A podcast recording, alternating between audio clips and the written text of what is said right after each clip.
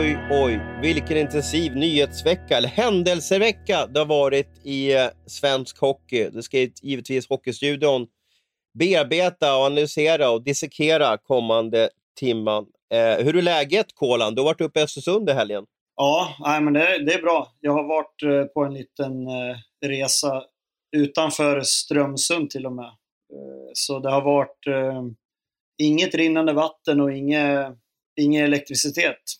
Det är spännande för en, en kille som är van att kunna kolla på telefon hela tiden och, och sitta på en riktig toalett.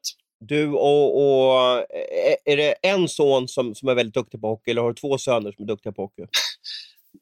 ja, alltså de är duktiga på hockey, det är de absolut, men så brukar jag inte säga. Dit jag försöker komma är att, att eh, jag har sett att ni håller på med skillsgrejer mycket hemma på, på eh, Kärringberget och så vidare. Om du hade haft en förmån att ha, ha, haft det med allt materialet och utrustningen och du var en liten pojke, hade det förändrat din hockeykarriär tror du? Nej, det tror jag inte. Jag, jag var ute och spelade landhockey och ja, bandy. Eh, vi, vår generation var ju ute mycket mer än vad, än vad dagens barn är. Jag är jätteimponerad av, eh, ja, det är främst Louie, min mellanpojk, som står ute på gatan och dribblar och har sig. Eh, men, men vi gjorde ju likadant, bara det att man hade ett helt gäng med kompisar, för alla var likasinnade och vi hade inga telefoner, så vi var ute och spelade bandy istället. Så jag, jag tror inte att det hade gjort någon skillnad. Vi stannar lite när du säger att du spelar bandy där, för vi är, uh, vi är inte tre olika generationer, men jag och Abis är ungefär samma och du är född 1985, är det korrekt? Ja. När du säger att du spelade bandy, eller alltså, vad hade ni för mål, vad var det för underlag, vad hade ni för klubba och vad hade ni för boll eller puck? Beskriv det så ska jag beskriva hur vi spelade landhockey. När man spelar bandy då är det oftast, eh, antingen så har man, eh, för jag drar egentligen ingen skillnad på på landhockey och eh, bandy. Man spelar ju oftast med en, en bandyboll som är fullproppad med, med gamla tidningar eller ja, den är i alla fall stoppad med någonting så den blir tung. Och, och du pratar så, en innebandy, innebandyboll pratar om alltså? Då. Ja, men exakt. Och, och sen om, det, ja. om man spelar med hockeyklubbor eller bandyklubbor, det, för mig så spelar det ingen roll. Jag, jag, säger, jag säger bandy bara. Eh, men min minsta ja. son som är fyra, så fort jag frågar om vi ska gå ut och spela bandy säger han nej, vi ska spela hockey. Så för han är det, då ska man ha Aha. klubba och puck. Ja, ja, ja. ja, det är lätt att man går bort sig. Jag vill bara skriva hur det var eh, för mig, min uppväxt på Västerort i, i, Stockholm. Så hade vi riktiga hockeyklubbor eh, och de blev hur, vi spelade, sprang på asfalt och de blev hur nedslitna som helst. Så hade man dåligt med pengar så, så, ja, så fick man inte köpa någon ny hockeyklubba utan till slut kunde det bara vara ett blad som var två centimeter. Och så körde vi alltid med en tennisboll. Och du vet en blöt tennisboll när man dunkar på ett slagskott där. Eh, det var inte så roligt att stå i mål då kan jag berätta. Uh, landhockey för Abris då, hur såg det ut i Gävle? Ja, nu satt jag och tänkte lite medan ni pratade om det där nu, hur det såg ut egentligen. Det var, nog, det var nog allt möjligt. Det var nog puckar och det var tennisbollar och det var den här röda bandybollen, typ den här garnnystanet som man, man lirade. Man lirade med, nog med det som, som fanns. Det var asfalt och jag vet att det en plastblad vet du, som man skruvade på klubban när den gick exakt. sönder. Så kunde man Då liksom... slets den ju inte så mycket bladet heller. Nej, det var väl en billigare variant än att köpa en ny klubba. Då. Så köpte man som ett, ett plastblad som man fäste med två skruvar nere i, i skaftet. Där. Så det var väl, ja, det, men eh, kul var det. Det jag vill säga om den här bandybollen, om man stod och dribblade med en hockeyklubba. Du vet, det var ju lite strävt när man, när man dribblade med den bollen. Så blev man duktig på det så var man ju grym sen när man fick spela med en puck på en is i alla fall. Och vi hade helt otroliga drabbningar där. Sundbyskolan mötte Bromstenskolan vet jag i fantastiska matcher där i, i västra Stockholm. Och, och jag vet att Sundbyskolan som jag representerar då, vi brukade vinna de där matcherna. Back in the days, Memory Lane är en underbar gata att gå på, men vi ska kasta oss in i det som hände på, sönd hände på söndagskvällen som jag kan väl påstå att det chockade mig i alla fall. Det har varit på gång så länge, men, men jag var nästan så att jag bara eh, satt och liksom funderade på vad är det som händer. 5.29 in i förlängningen. Eh, ska vi säga att Ulva Palve sköt den i krysset, Palveskottet. Eh, och det här innebär att HV71 lämnar SHL och Brynäs håller sig kvar. Abris, eh, du var på, på plats. Jag vill ha lite känslor först. Hur, hur var det? Hur, hur var läget? Hur, hur, hur mådde HV71? Ja, men det, den är enkel att svara på. De mådde ju fruktansvärt dåligt. Det, du har ju varit på fler sådana där nedflyttningsmatcher än vad jag har varit då när de möttes allsvenskan SHL. Det här var ju första gången som två SHL-lag möttes. Men, men eh, det, det, det, alltså den glädjen på ena sidan och den sorgen på den andra eh, är ju, det är ju otroligt starka kontraster. Nu kanske det var mer lättnad hos Brynäs. När allsvenska laget har gått upp tidigare så har det varit en enorm glädje. Nu tror jag det var mer lättnad hos Brynäs, men en otrolig sorg hos, hos HV. Och det är klart att ur ett känslomässigt perspektiv så ska det ju mycket till att bräcka det här. Eh, även om vi tittar på en SM-final eller, eller, en allsvensk final till och med, tror jag. För att det här eh, det är så otroligt mycket känslor inblandat. Inte minst när det är två så pass etablerade klubbar också, tror jag det förstärks ytterligare. Ja, eh, och Kolan, du skrev på sociala medier igår att nu får HV åka hem till Martin Törnberg och be om förlåtelse och, och, och, och be honom att komma tillbaka. Eh, kan du utveckla den tweeten lite? Ja, men, eh, de får väl inse att de gjorde fel. Att de inte behöll Martin. Och nu är det ju ett utmärkt läge när de ska spela i Allsvenskan. Och faktiskt krypa hem på hans långa asfaltsgång där så de kommer blödande på knäna. Kanske han kan eh, ta dem till nåder och, och, och ställa upp och, och spela ett år i Allsvenskan. Eh, det skulle vara ja. det perfekta loket för att få igång det där tåget. Jag pratade med Martin i, i, på måndag morgonen innan vi eh, startade den här podden, eller bandade den här podden. Och jag ställde ju den frågan då, kanske en korkad fråga, jag vet inte. Ibland så får jag för mig att jag ställer korkade frågor. Men jag ställde en sån här fråga, hade HV71 åkt ut med dig i laget? Då Martin Törnberg skrattade han lite. Jag tror Kolan säkert förstår och även Abis också vad, hur, hur jag menar där. Um, lite sådär höhö, lite sådär. Och så sa han så att jag kanske inte hade tillfört, eller jag kanske inte hade varit bäst på isen, men kanske runt omkring i omklädningsrummet och sådär så kanske det hade blivit lite annorlunda. Förstår du vad jag menar, Kolan? Ja, men eh, Martin är ju en ledare. Eh, och det känns ju lite grann som att, inget ont om de som har varit ledare i det laget nu, men det har ju saknats någonting. Och om man jämför Brynäs och HV så har ju Brynäs toppspelare levererat i den här äh, serien. Det har ju inte riktigt HVs spelare gjort. Sen tycker jag att coachingen har varit väldigt tveksam ifrån HV om man kollar hur mycket, hur mycket Brynäs använder sina bästa spelare.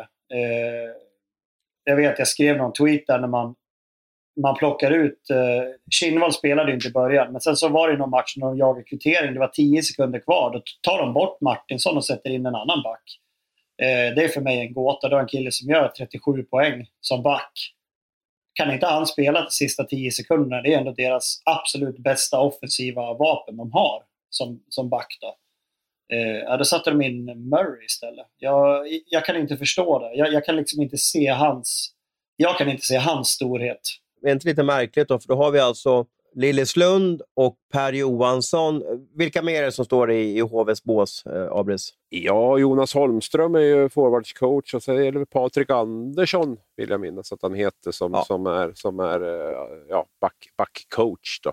Ja, I alla fall Lillis och, och Per har en gedigen eh, hockeyerfarenhet och sen på andra sidan så står Nils Ekman och Josef Pomerén som aldrig stått i seniorbås. Hur, hur är det möjligt att det blir så att man ser så annorlunda på hur man ska coacha ett lag och att, ja, att, att Josef och, och, och Nisse vann coachingmatchen, Kolan?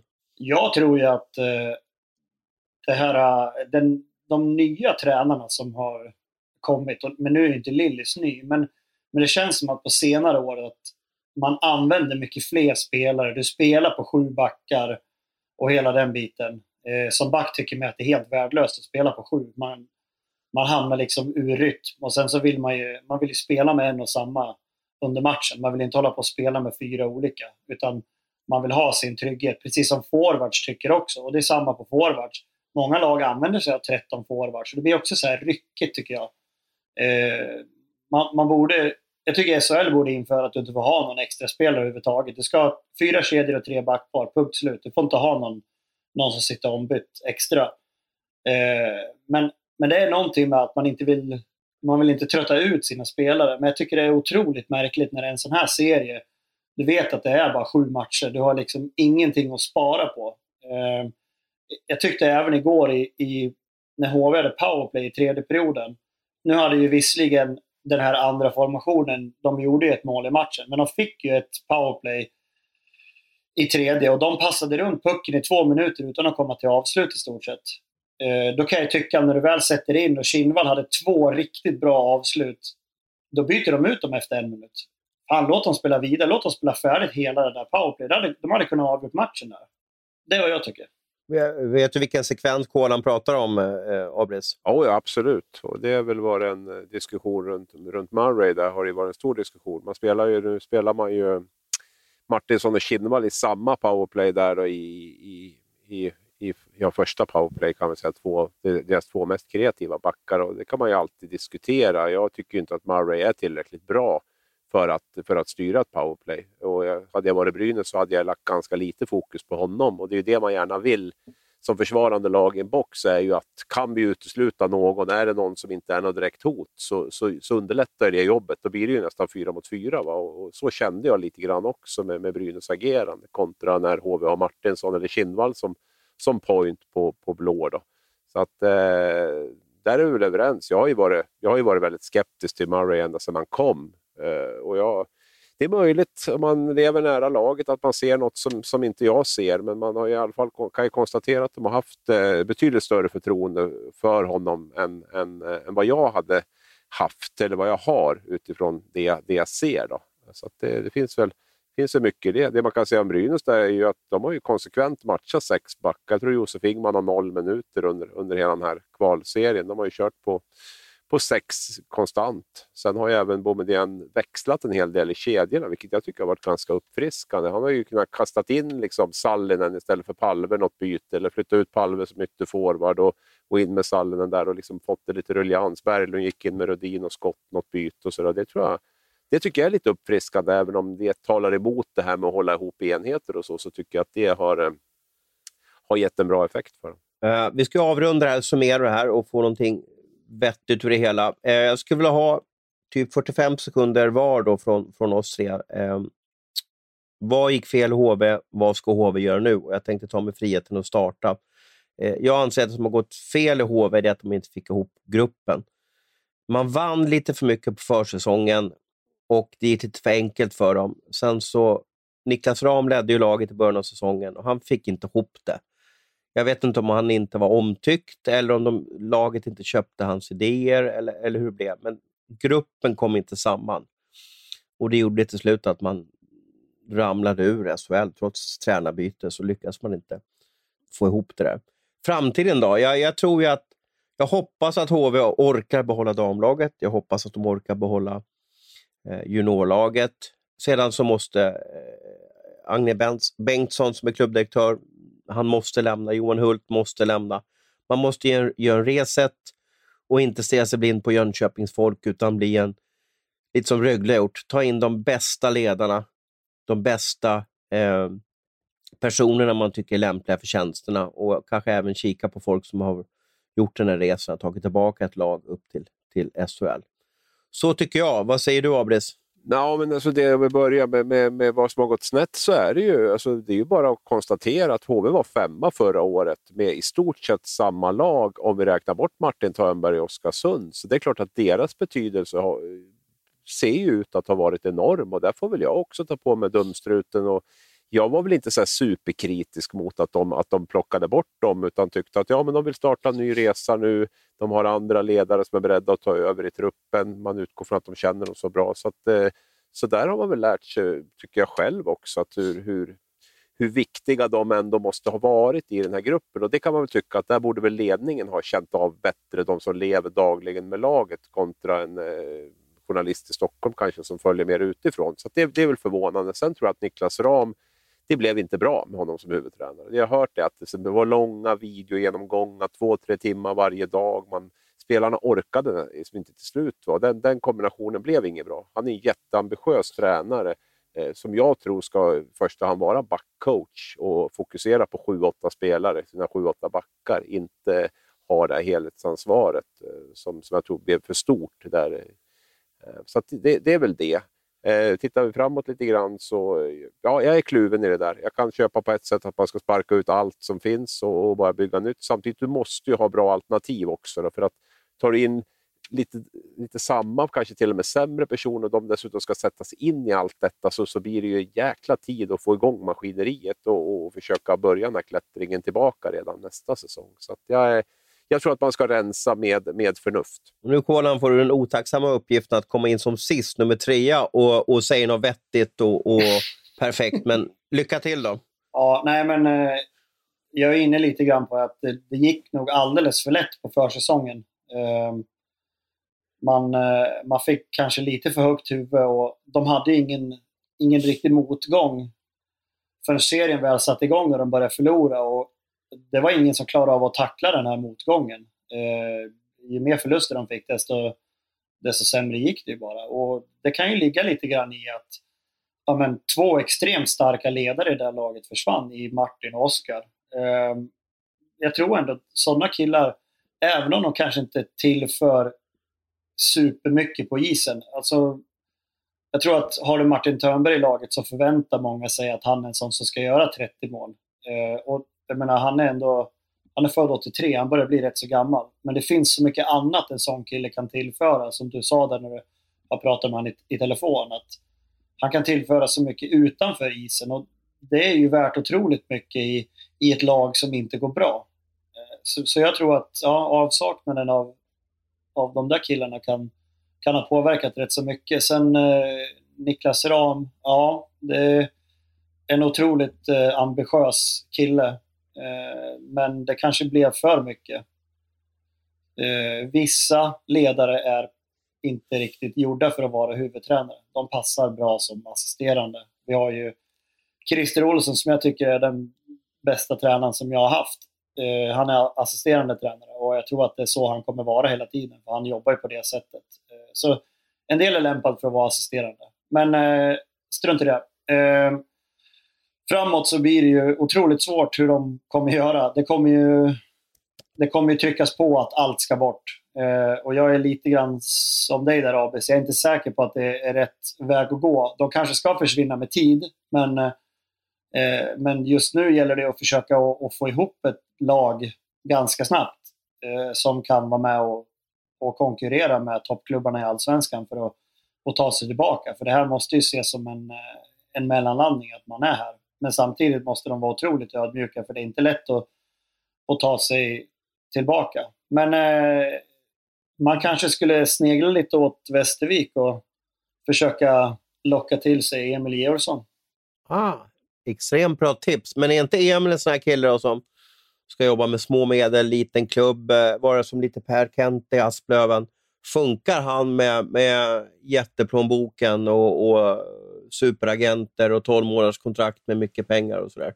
Ja, det vet vi ju inte. Men eh, det känns som att de här de killarna som är agenter i, eller agenter, förlåt, de som är sportchef i klubbarna i Allsvenskan med små medel, de måste ju oftast lägga extremt mycket tid på scouting och, och hela den biten. Eh, så de borde ju sitta på ganska bra kontaktnät och att de har en väldig koll på allsvenskan. Jag tror ju att, nu, nu vet inte jag exakt hur det ser ut, men eh, för HVs del så tror inte jag att de sitter på en sån scouting där de har jättekoll på vad som skulle vara bra för att spela i allsvenskan. För de är ändå, jag tror att de har haft lite högmod och inte ser sig som en klubb som skulle kunna ramla ner. Så de har väl i stort sett bara kollat på toppspelare för SHL-klass. Så det här kanske blir lite nytt ändå, att de måste leta efter andra sorts spelare. Ja, jag måste stanna bara eh, en grej där, Kolan. Eh, jag och Abel skrev ju en, eh, en text här i veckan att, att Filip Sandberg och eh, Erik Martinsson hade signat med KHL. Jag vet att vi var inne lite på det här. Påverkar det någonting utgången av den här finalserien att, att flera spelare, säkert i båda lagen givetvis, redan hade signat feta kontrakt med nästa år i andra klubbar? En, enda jag skulle säga att det kan påverka är att de faktiskt eh, kan spela helt avslappnat. Till skillnad från många andra. Man är inte mentalt på ett annat ställe. Man är, liksom inte, man är, riktigt, man är, man är närvarande ändå, även fast man på något sätt har, har vet om att framtiden är inte här. Ja, men det tror jag. Det, det, finns ingen spelare som vill ha på sitt CV att man har spelat ner en klubb i Allsvenskan. Eh, men om vi då jämför kanske hur tuff situationen är för eh, Simon Önerud som jag vet inte hur många år han hade kvar på sitt kontrakt. Han sitter ju säkert på ett avtal som sträcker sig över flera år. Eh, och Det är en kille som är välbetald som får spela i sin, i sin hemstad. Eh, nu så avbryts det här kontraktet om en månad. Eh, inte ens det. Om, om tio dagar bryts hans kontrakt. Eh, och den pressen för honom till exempel, som när man ska försöka prestera och vet att fasken förlorar vi fyra matcher, då, då ryker mitt kontrakt. Min, min framtid här ryker. Eh, jag tror att det är ju tuffare att hantera än att Filip Sandberg, om det var han du skrev om, har skrivit ett kontrakt, ett bra kontrakt i, utomlands. Eh, jag tror att han kan ändå slappna av på ett helt annat sätt. Och jag såg att han var ju helt förstörd. Så jag tror inte, det är ju inte en kille som inte bryr sig. Han satt och grät, så jag tror inte att han, att han fejkar den. Simon har utgående kontrakt. Han skrev ett treårskontrakt 2018. Ah, okay. ja, men eh, lik förbannat. men han, kan... han kan ju vara den första. Om jag skulle vara då ja, Johan Hult eller vem det nu blir som, som bygger nya laget så ska man ju direkt skriva upp, skriva, skriva upp Simon liksom, ja, idag. Vill du vara med på resan tillbaka? Vill du leda resan tillbaka? Här, här har du ett eh, treårskontrakt. Så hade jag gjort i alla fall. Ja, jag håller med. Det är klart att, eh, att han är en sån spelare som ska vara med. Jag tycker att man ska eh, försöka få Jonas Gunnarsson att stanna också. Du kanske kan få, nu har inte han spelat i år, men eh, eh Jesper Williamson, också en kille från Nässjö som kanske kan tänka sig att stanna. Snart är alla de här unga killarna, så jag tror inte det de kommer få upp ett bra lag ändå. Men eh, ja, eh, jag tror ju, hade de varit kvar i SHL så är det ju ganska troligt att lagkaptenen hade fått nytt förtroende. Han gjorde ändå 30 poäng i år också.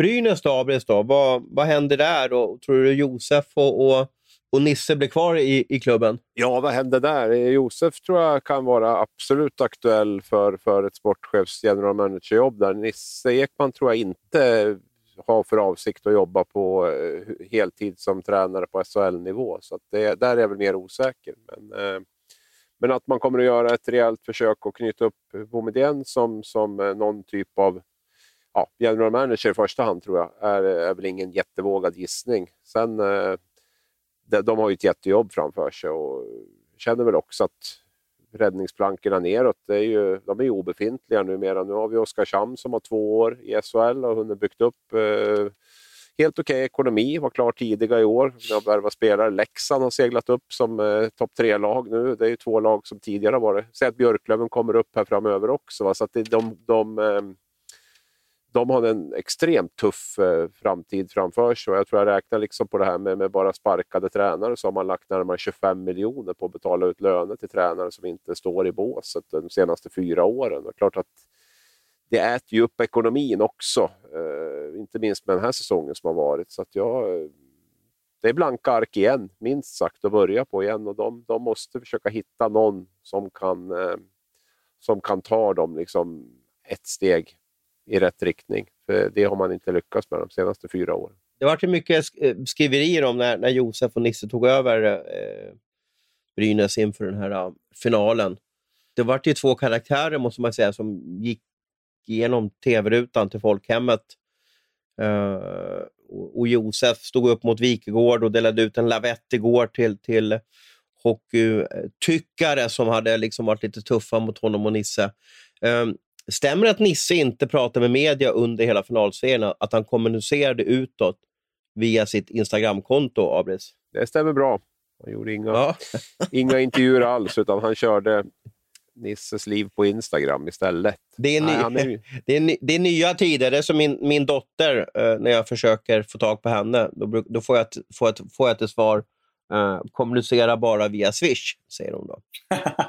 det är nya tider kan man säga.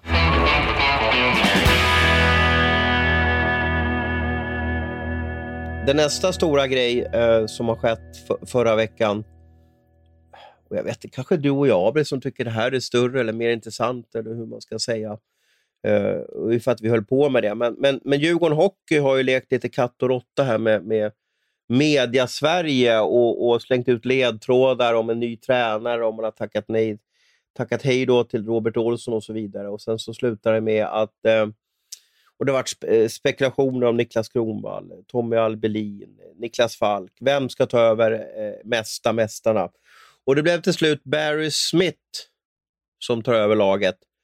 Har du hängt med i den här eh, nyhetsjakten, Kolan? Är det bara sådana som jag och Abri som bryr, bryr oss om sånt? Eller, eller har den varit intressant för, för eh, Hockeysverige på något sätt? Du vet vad, nu ska jag vara helt ärlig. Eh, jag visste ingenting om det här. Jag gjorde en intervju med Henrik Sjöberg i fredags. Då berättade han hela den här rundturen hur det hade gått till. Så nu har jag full koll. Men det hade jag inte haft om inte han berättade för mig. Nej, det är vi, det är vi i den här lilla eh, smältdegen som, liksom, som, som i den här lilla ankdammen som kanske bryr oss om det där. Ja, men jag väntar ju bara på att det ska stå vem som blir tränare. Det andra, eh, det är för mig rätt ointressant. Ja, ja, ja. Jag har en känsla att det är så. Men om vi struntar i det i alla fall då. Eh, Barry Smith till Djurgården, Abris. Ja, vad ska man säga? Det var väl överraskande på sitt sätt. Även om vi hade namnet uppe på bordet kan vi väl säga att det var ett, eh, ett spår som inte riktigt, eller ett uppslag ska man väl säga på polisspråk, och eh, som, som vi inte, inte riktigt fick, eh, fick bekräftat. Men eh, det var ju just det som ringde våra, gjorde att våra klockor ringde var väl det här täta samarbetet som han har haft med Djurgården tidigare, där han och Robert Nordmark, då, den före storbacken, har, varit, har ju kört väldigt mycket såna här eh, träningar gemensamt där, Chicago och, eh, och Djurgården. Då och så så det fanns ju en ganska tydlig koppling där och det här har ju varit mest under Joakim Erikssons tid också som, som general manager. Så att, eh, den kopplingen gjorde väl att vi, vi fastnade lite extra runt just det namnet. Då.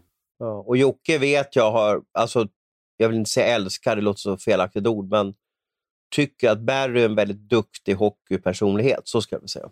Det har nog haft väldigt stor betydelse också, vem, vem, eh, vem Joakim Eriksson eh, kan tänka sig att jobba med och inte minst vem som kan tänka sig att jobba med, med Joakim Eriksson. Så att, eh, och där har väl kanske Barry passat i, i båda ändar. Då. Att det har funnits ett ömsesidigt in, intresse där av att eh, ja, hur kommer det att gå? Jag säger väl ungefär lite grann som jag sa inför, inför eh, Brynäs med Bomedén och Ekman. Jag har inte en jävla aning. Eh, och Det är väl fel kanske svar om man, om man jobbar med det här och ska ha åsikter om, om det mesta. Men den, den känns ju lite lurig på förhand tycker jag. Eh, sen tror jag det handlar väldigt, väldigt mycket om vilka han får med sig eh, Barry Smith då, som assisterande. Och så bygger man en bra stab där hans kompetensområde kommer till sin fulla rätt, men där hans svagheter då kompenseras av, av de assisterande tränarna så kan det ju naturligtvis bli, bli bra.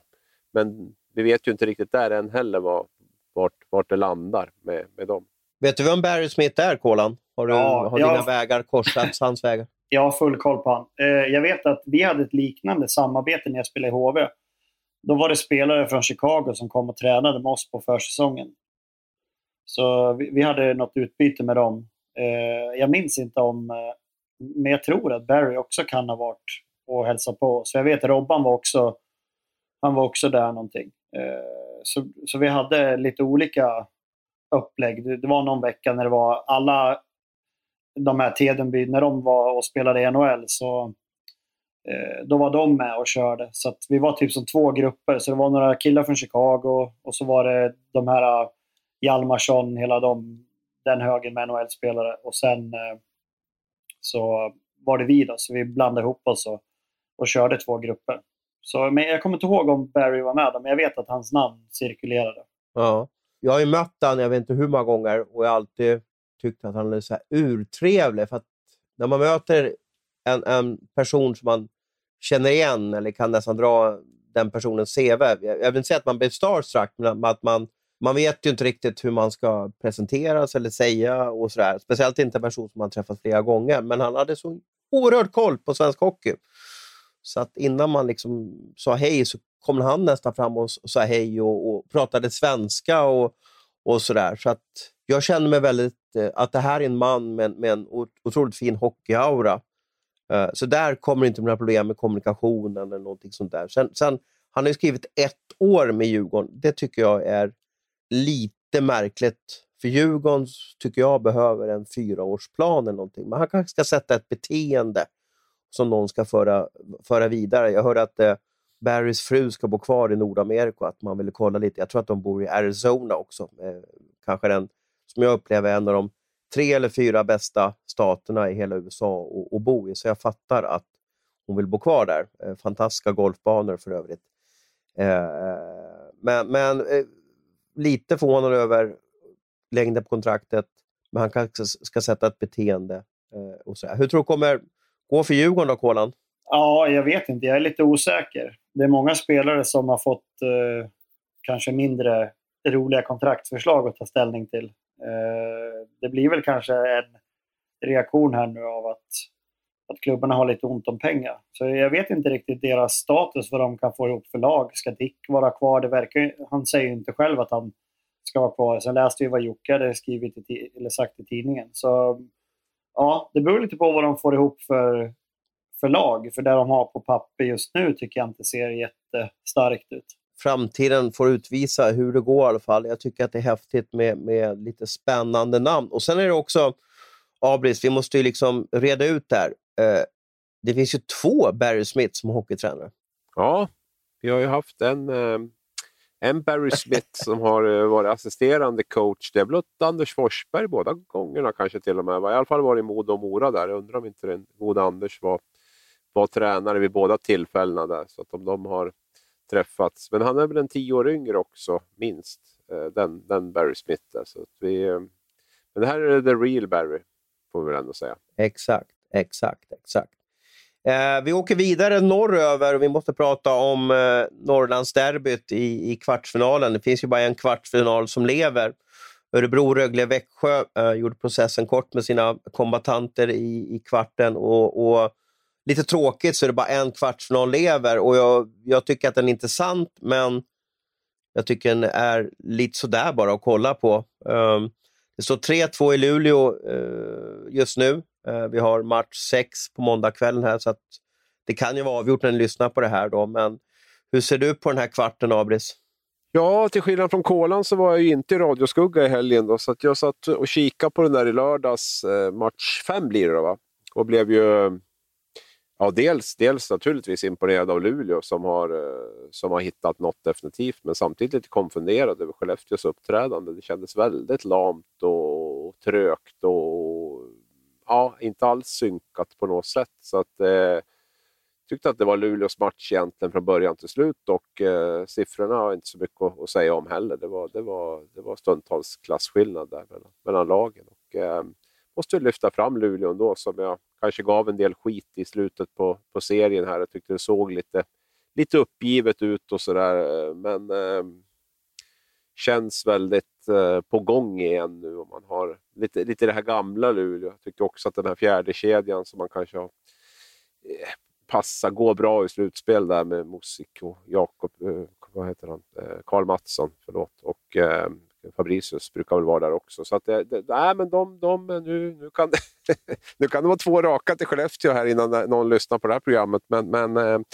fördel Luleå och Skellefteå har en hel del att bevisa tycker jag. Det var mycket tjo och kim där uppe med diverse videos och grejer inför slutspelet och det var dansbandstävlingar och allt. Men det gäller också att leverera på planen och det har man väl inte riktigt gjort än i, i den här serien tycker jag. Just nu har vi Örebro, Växjö, Rögle och ja, Luleå i semifinalen. Vad säger det om trenden i svensk hockey som är vägvinnande?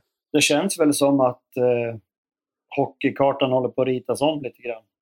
Rögle har ju varit bra nu ett par år, men ja, jag, jag vet inte riktigt vad jag, vad jag ska säga om, om, du är ute efter något speciellt. Jag vet inte vad du... Ja, men det, det är, eh, jag kanske för att skim, skimra mina dimridåer mellan raderna här så, så, så, tycker jag i alla fall att Örebro, Luleå och kanske Växjö eh, är defensivt extremt skickliga lag. Rögle tycker jag är även ett offensivt väldigt skickligt lag. Så att jag menar på att defensiv vinner pokaler, offensiv vinner publik. Det var dit jag försökte komma. Att, att du måste få ordning på defensiven för att ta det långt i slutspelet. Ja, jag var dåligt av mig att inte kunna läsa mellan dina rader. Men eh, det som talar för Luleå är att de har ser, eller slutspelets hetaste målvakt. Så det kan bli det kan bli ett långt slutspel för Luleå om han fortsätter som han har gjort, för han har ju varit helt obutlig. Lassinantti, tänk vilken succé Abris blev när han kom hem. då. Det var väl inte, tänk om han hade gjort succé i KHL, då hade de inte haft honom som målvakt nu.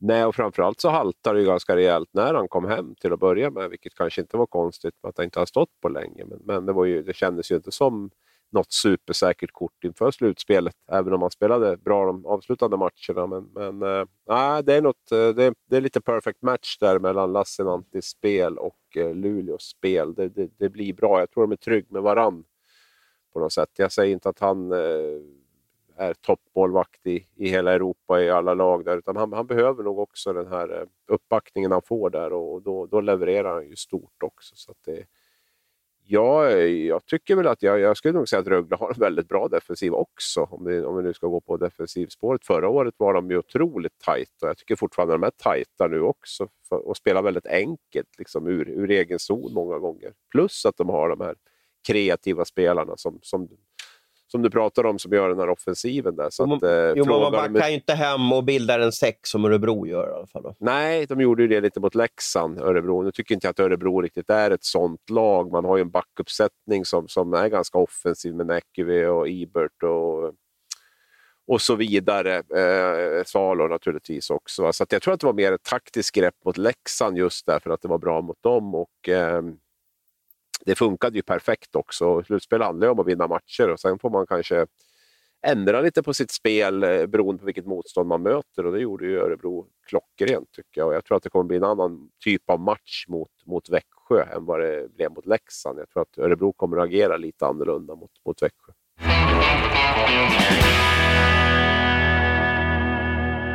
Det är dags att uh, utföra ännu en uh, quiz Quiz 19 april har jag skrivit som rubrik här. Är ni taggade? Ja. Oerhört. Eh, Abris vann förra veckan, eller hur? Ja, jag vet inte. Ja, ja, ja. ja. Det, ja, det gjorde ja. du. Gjorde ja. du. Det gjorde ja. du. Härligt. Får se som är favorit den här veckan. Jag skulle gissa att de här frågorna kommer passa Abris. Men vi får se. Jag har jättegärna fel. Fråga nummer ett. Vem sköt Örebro till semifinal i förra veckan? Det vill säga, vem gjorde 2-1 målet i den fjärde kvarten i torsdags? Fråga nummer två. Ishockey-VM 2021 eh, ska genomföras och det blir i Lettland för de båda grupperna. När avgjordes VM i Lettland förra gången? Vilket år? Ah, det är för mycket avbildsfrågor där. Ah, jag ber om ursäkt, Kolan. Jag är ledsen. Uh, jag vågar inte ens fråga, eller ställa fråga nummer tre här, uh, men vi kör ändå.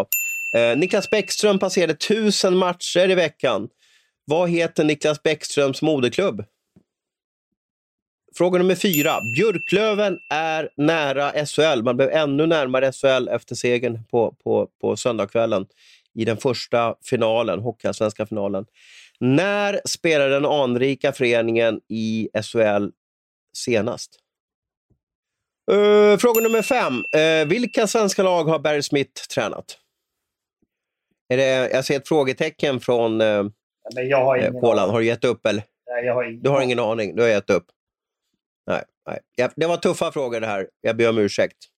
Det var för mycket avbrottsfrågor här. Jag får bättre med nästa vecka. Nästa vecka får vi bara köra, vad heter det, eh, Kolan frågar. Eh, rätta svaren då. Eh, vem, vem sköt Örebro till semifinal förra veckan? Det var Emil Larsson. Eh, rätt av båda. Eh, Hockey-VM 2021 genomförs i, i Lettland, Riga och eh, helt rätt, Abris 2006 var förra gången det var VM där. Hur gick det då, Kolan? Minns du det? Nej, ingen aning. Det var VM-guld. Det var då Niklas Bäckström och, och, gänget kom hem där. Eller Niklas Bäckström var väl med och eh, Eh, sen kom Detroit-gänget hem med eh, Franzén och, och, och Zetterberg och så spelade de guldet till, till, till Sverige. Eh, Bäckström som sagt var, eh, tusen matcher, oerhört stort. Eh, båda hade rätt där. Val, Valbo AIF, heter de så, Abris? Jag svarar bara Valbo. Så Valbo HC heter de nu i alla fall, men det kanske hette Valbo ja. AIF på den tiden. Ah, båda, båda svarade Valbo, så det var helt rätt. Men jag, jag, jag såg på, enligt Wikipedia så heter de AIF. Kolan är väl bra polare med Bäckströms brorsa där, så, att, eh, så de, eh, storebror. Ja, men, så de, det, det, var väl lite... Den där kunde jag faktiskt. Ja, ja den hade du helt rätt uh, Sen kommer en sån här liksom, statistikfråga eller historikfråga som också är extremt svårt när man, uh, ja, kanske, du och jag jobbar med sån där AB, så det, vi skriver det här då och då, så då till slut så minns man ju såna här grejer. Men det var alltså säsongen 20 2000-2001 som Björklund spelade SHL förra gången. Och sedan så hade jag faktiskt tänkt att ta en helt annan fråga som, som nummer fem. Eh, jag ställde frågan till eh, Timrås diskjockey eh, Andreas Skarin. Då, vilken line-up-låt hade Kolan när han var i Timrå? Men Skarin var så nervös på söndagskvällen och sen var han kanske lite besviken efter matchen. Så jag fick aldrig riktigt svar där. Vad hade du för line-up-låt i, i Timrå, Kolan? Det var ju tur att du inte ställde den frågan, för jag har ingen aning. Nähä, okej. Okay. Precis. Så då var jag tvungen att, att, att, att höfta dit en, en, eh, en fråga på morgonen. Då tog jag på Barry Smith. Då. Han har alltså tränat Brunflo, Rögle, Malmö och så var assisterande till, till Kronor. Eh, så att Abris var, hade i alla fall 75 rätt. Bra jobbat Abris. Eh, du vann idag. Jag, jag stannar med att, att säga så. Var det här för svårt, Kolan? Var, var, var jag taskig mot dig? Ja, men du gjorde ju allt du kunde med att försöka hitta en fråga som är lämpad för mig, men inte ens den hade jag kunnat. Så det, det har inte spelat någon roll vad du har gjort idag. Nej, precis, precis, precis. Eh, eh, kul med quizen. Vi ska fortsätta hålla i den. Eh, du fick, har fått en hemläxa till idag, till den här quizen. du ska ranka dina tre... Eh, hur ska vi beskriva det? Är det, är det tränare som du har haft som, är, som du tycker är de, är de tre bästa tränarna eller har du tagit vilka tränare som helst? Nej, alltså jag tycker att jag måste ta sådana som jag har haft. För det, jag kan inte bara gå på... Jag gillar ju Roger Rönnberg till exempel. Eh, men han har ju aldrig haft mer än du vet under en sån här typ russincamp eller något sånt där. Men jag gillar ju han och intervjuer och allt det här. Men jag kan ju inte välja han på grund av det. Hade jag haft han så kanske jag kunde få platsa på min lista. Men tyvärr, han får inte vara med. Vi börjar med bronsplatsen i alla fall.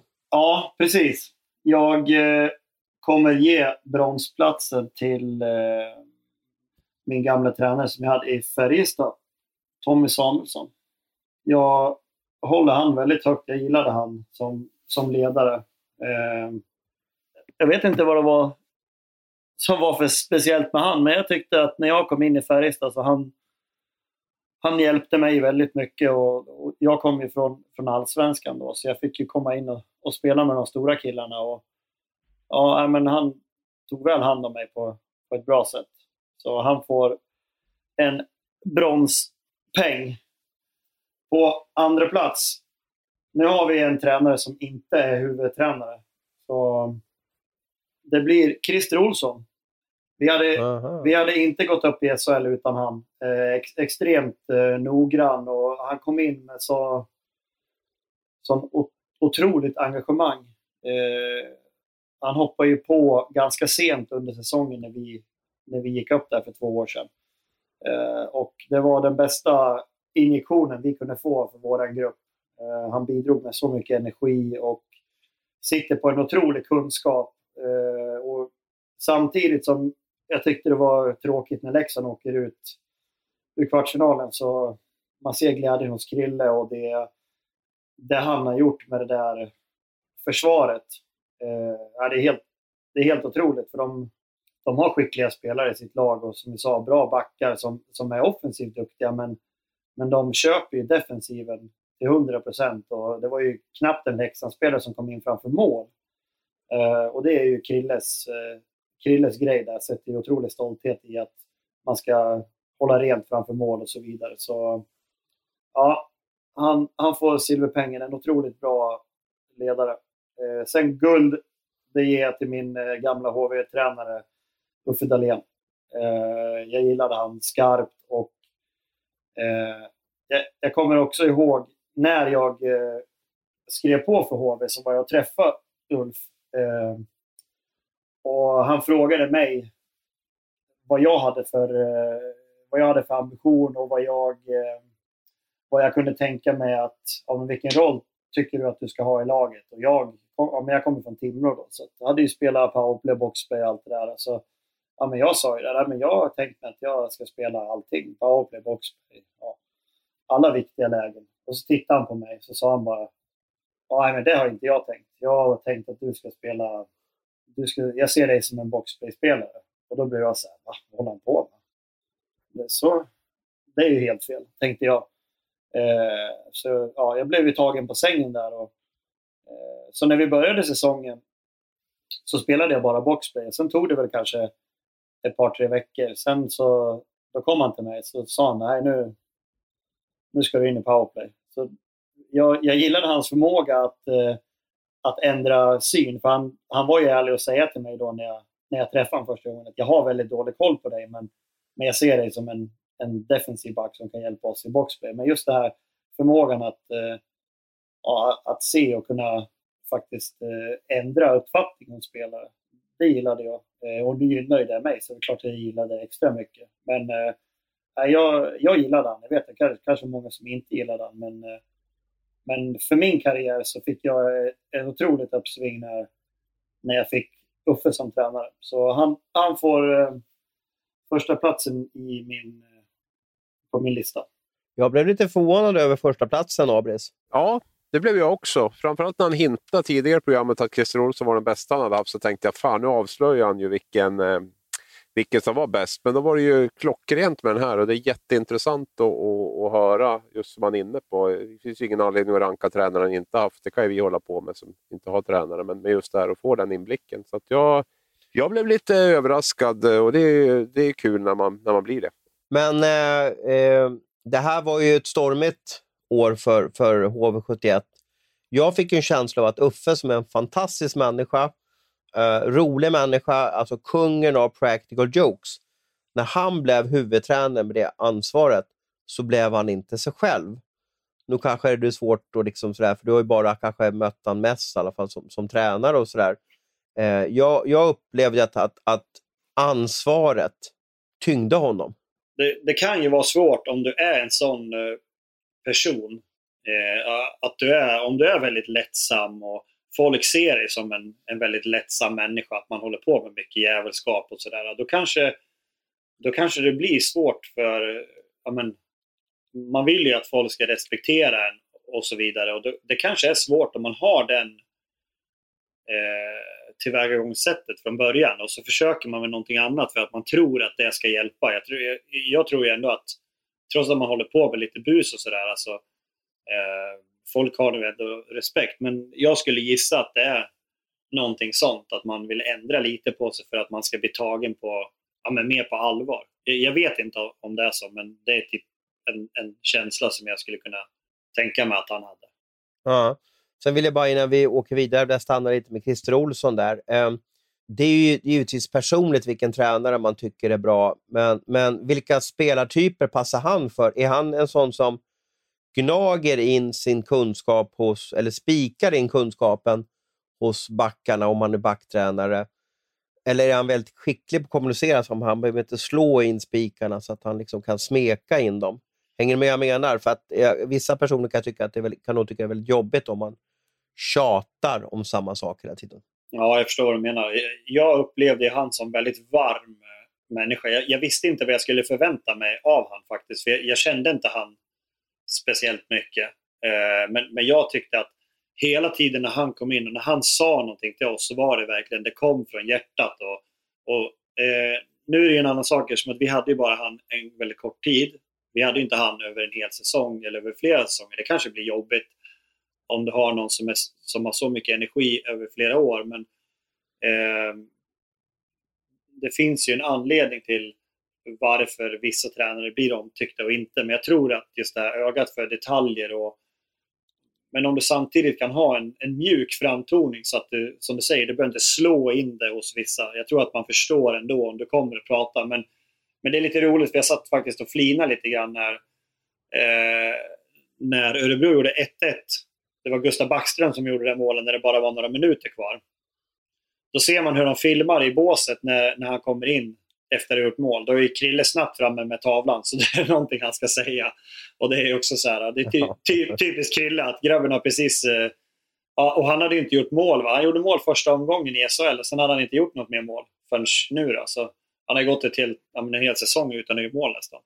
Så ja, han hade inte det. Du det du menar med det att han gjorde mål och var lycklig, men, men Christer såg någonting som han ville rätta till? Var det så du menar? Ja, men jag såg han i bakgrunden, stod med tavlan där och, och började, började prata med honom så fort han satt sig ner. Så, han, han pratade nog till flera backar samtidigt, så det var väl någonting med att vad de skulle göra nu, det sista som var kvar. Men, men det är lite slående för han hur han... Ja, bra att du gjorde mål. Men kolla här, du måste kolla på det här. Det så här ska vi göra nu. Eller liksom. ja.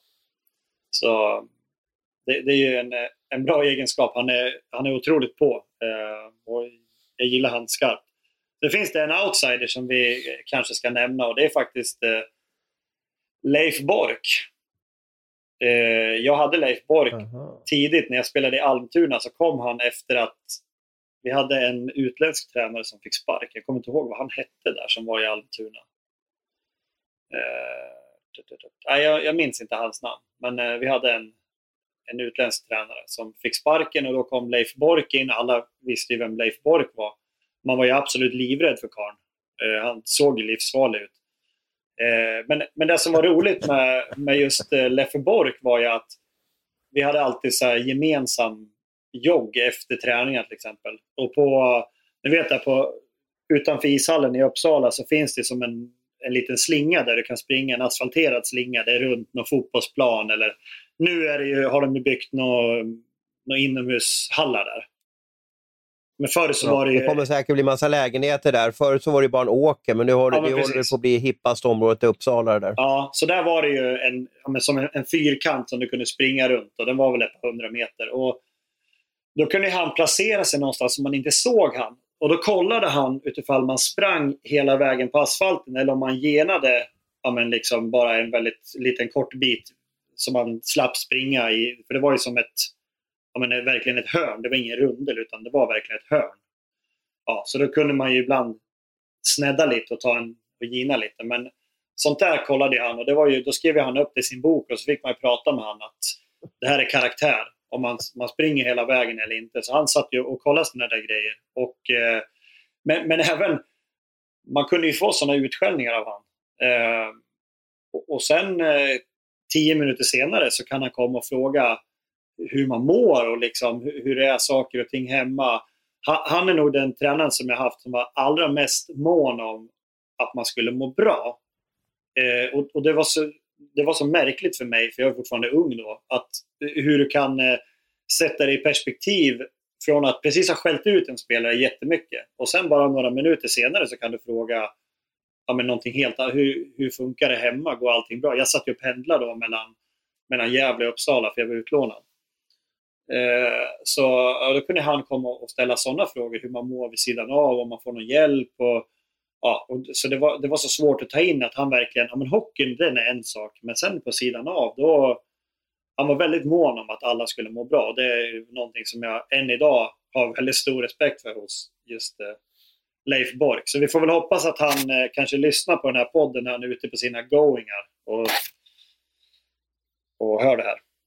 Vi får byta namn på den här podden, Abris. Det här får bli Cola, Cola show framöver. Ja, precis. Och jag, alla undrar ju nu vem var den här utländska tränaren som, som Bork eh, ersatte. Där. Och jag har ju grävt lite grann under tiden som ni har pratat här och kommit fram till att det var Tom Eklund. Så jag vet inte hur mycket utlänning han var. Kan det stämma att det var Tom? eh, men vi hade en utländsk tränare. Jag vet att jag hade Tom Eklund också, men vi, måste ha, vi hade någon utlänning här för mig. Tom Eklund känns inte så utländsk. Nej, enligt det här så var det, var det Bork som ersatte Tom Eklund i alla fall. Men, men, eh, Du kanske inte, Ja. för, du kanske inte förstod han stockholmska eller vilken dialekt han pratade. Men vem, vem var före han då? Har du koll på det? uh, nu var det farligt. Nu var det farligt. Men du får Ja, och go kan- googla det så ska, måste jag, Ja, jag kan jag snacka det. lite med, med kolan här. Jag gör det. Eh, men, men Bork, när du följer honom nu på sociala medier, förstår du vad han är ute efter eller tycker du att han är bara jobbig? Nej, jag, alltså, jag, jag förstår precis vad han är ute efter. Jag, jag lägger ingen vikt i vad han...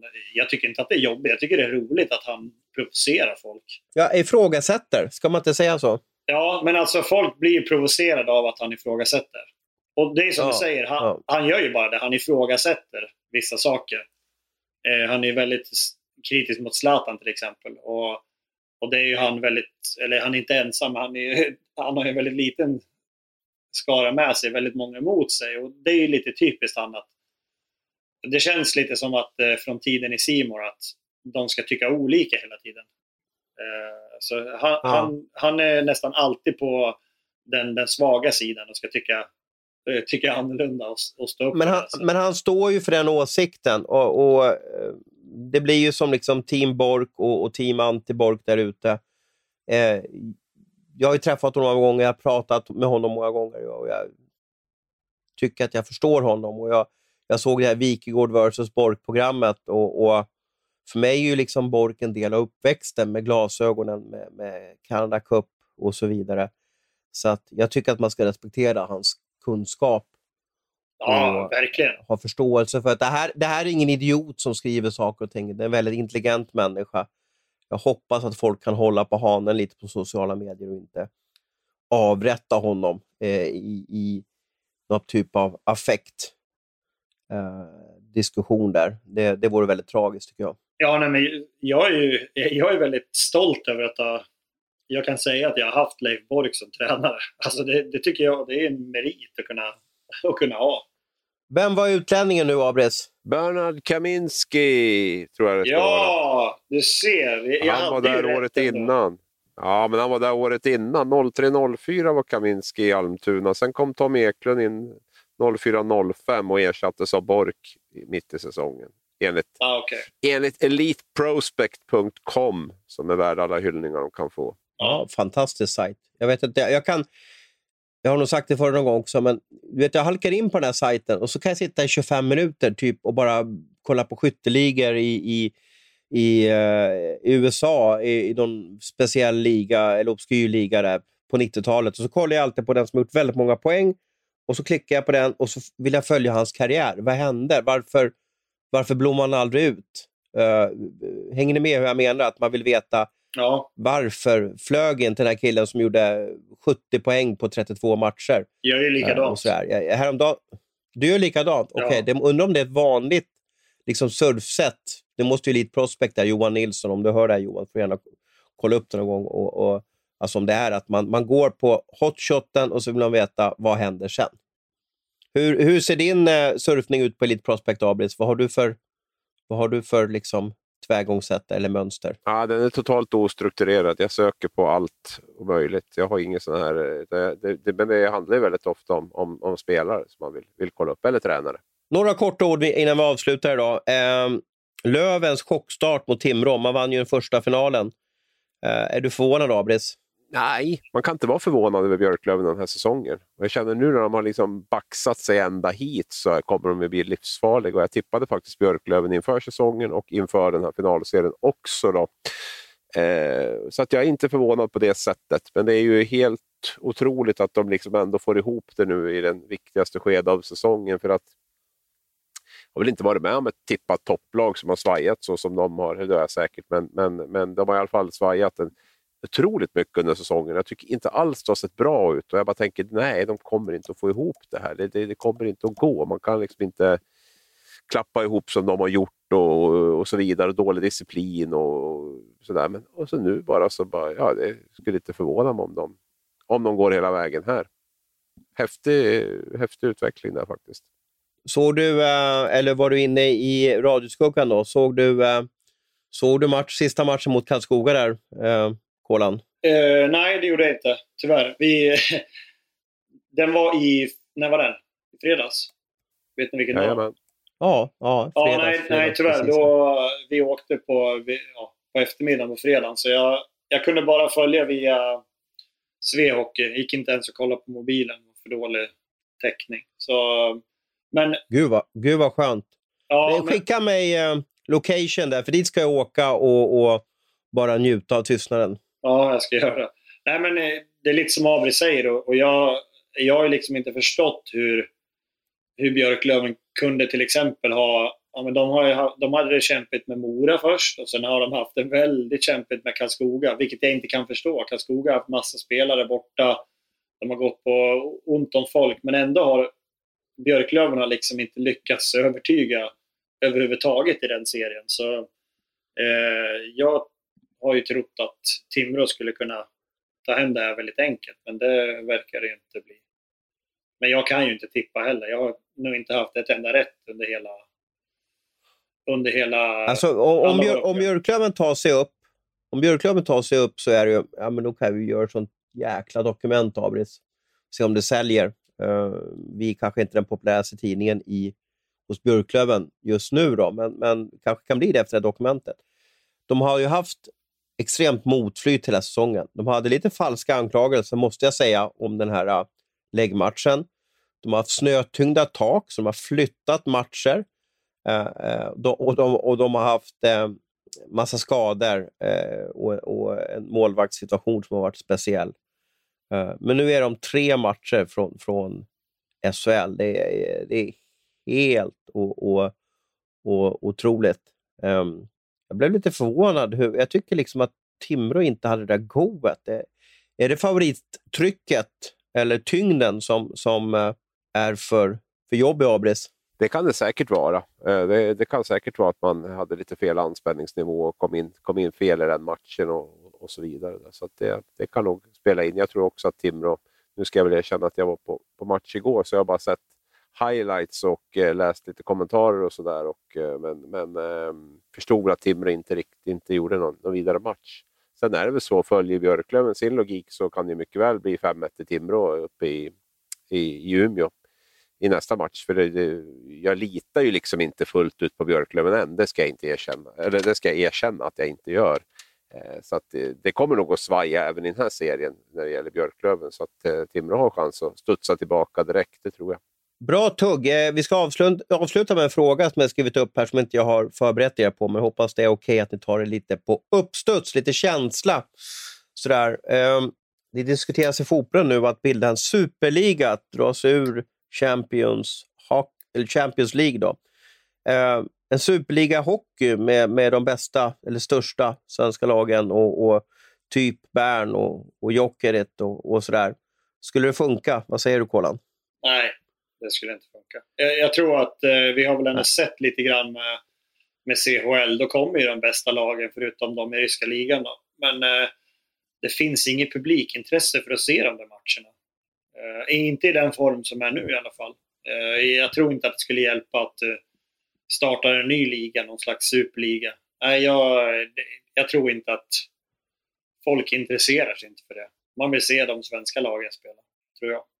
Lägg ner, säger jag. Hockey publik, okay. hockey publik och stämning, det har vi fått lära oss inte minst den här säsongen. Så jag, gör, gör det bara som, som, som, som är bäst för att vi ska få en härlig stämning och inramning runt matcherna. Och där ingår det att man tävlar om i vilken liga man ska vara och att det inte finns några gratisplatser och att det inte är något stängt för någon exklusiv klubb som ska bilda, en massa klubbar ska bilda. Så att nej, så, tack för att jag fick prata med er idag, eh, Mattias och Hans, och tack för att eh, ni andra här har lyssnat på oss. Vi kom upp i nästan 70 minuter. Vi om ursäkt om, om, eh, om vi varit lite för långrandiga idag. Eh, ha nu en underbar vecka. Eh, semifinalen drar igång på torsdag, om jag, om jag minns rätt. Eh, det här är bästa tiden på åren. Eh, sköt om er.